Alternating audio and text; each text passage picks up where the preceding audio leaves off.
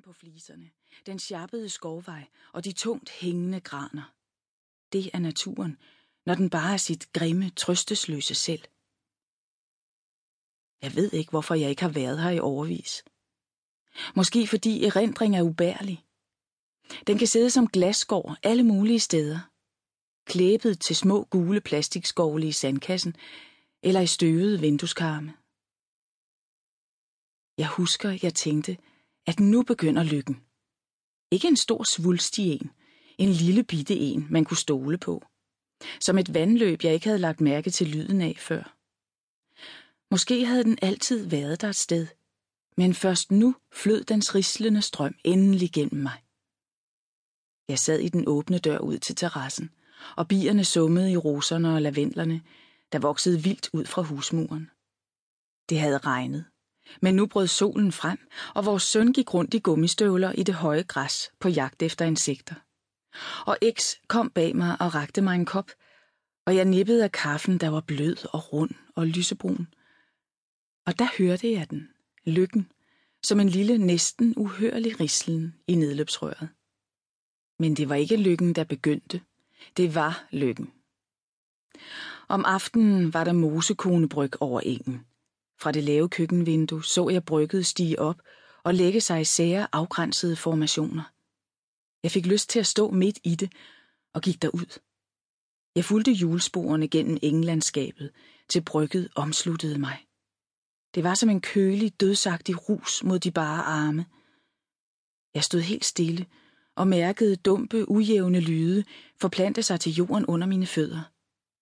Og snart så jeg dem materialiserer sig gennem den tætte tåge, de store, brune blikke, de gumlende muler.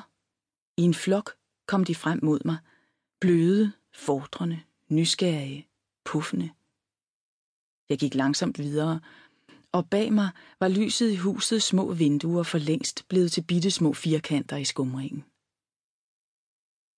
Da jeg endelig vendte om, var noget forandret. Jeg ved godt, det ikke var der, det skete, at tingene ikke bare forandrede sig på et splitsekund, men det var der, jeg mærkede det. Jeg stirrede på de små oplyste ruder. Et sted inde i husets firkantede lysverden gik X.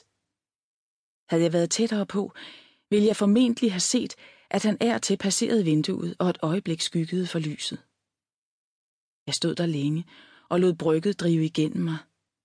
Der duftede af lyng og aftenvarm muljord, og endelig begyndte jeg at gå tilbage, og de gule ruder voksede langsomt, jo nærmere jeg kom.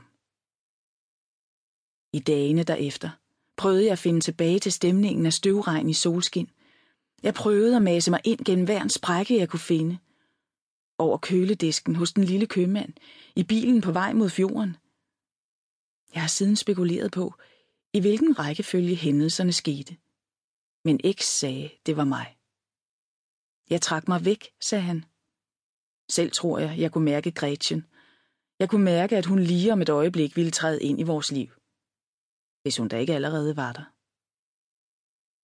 De store beslutninger er ikke de sværeste. De giver sig selv.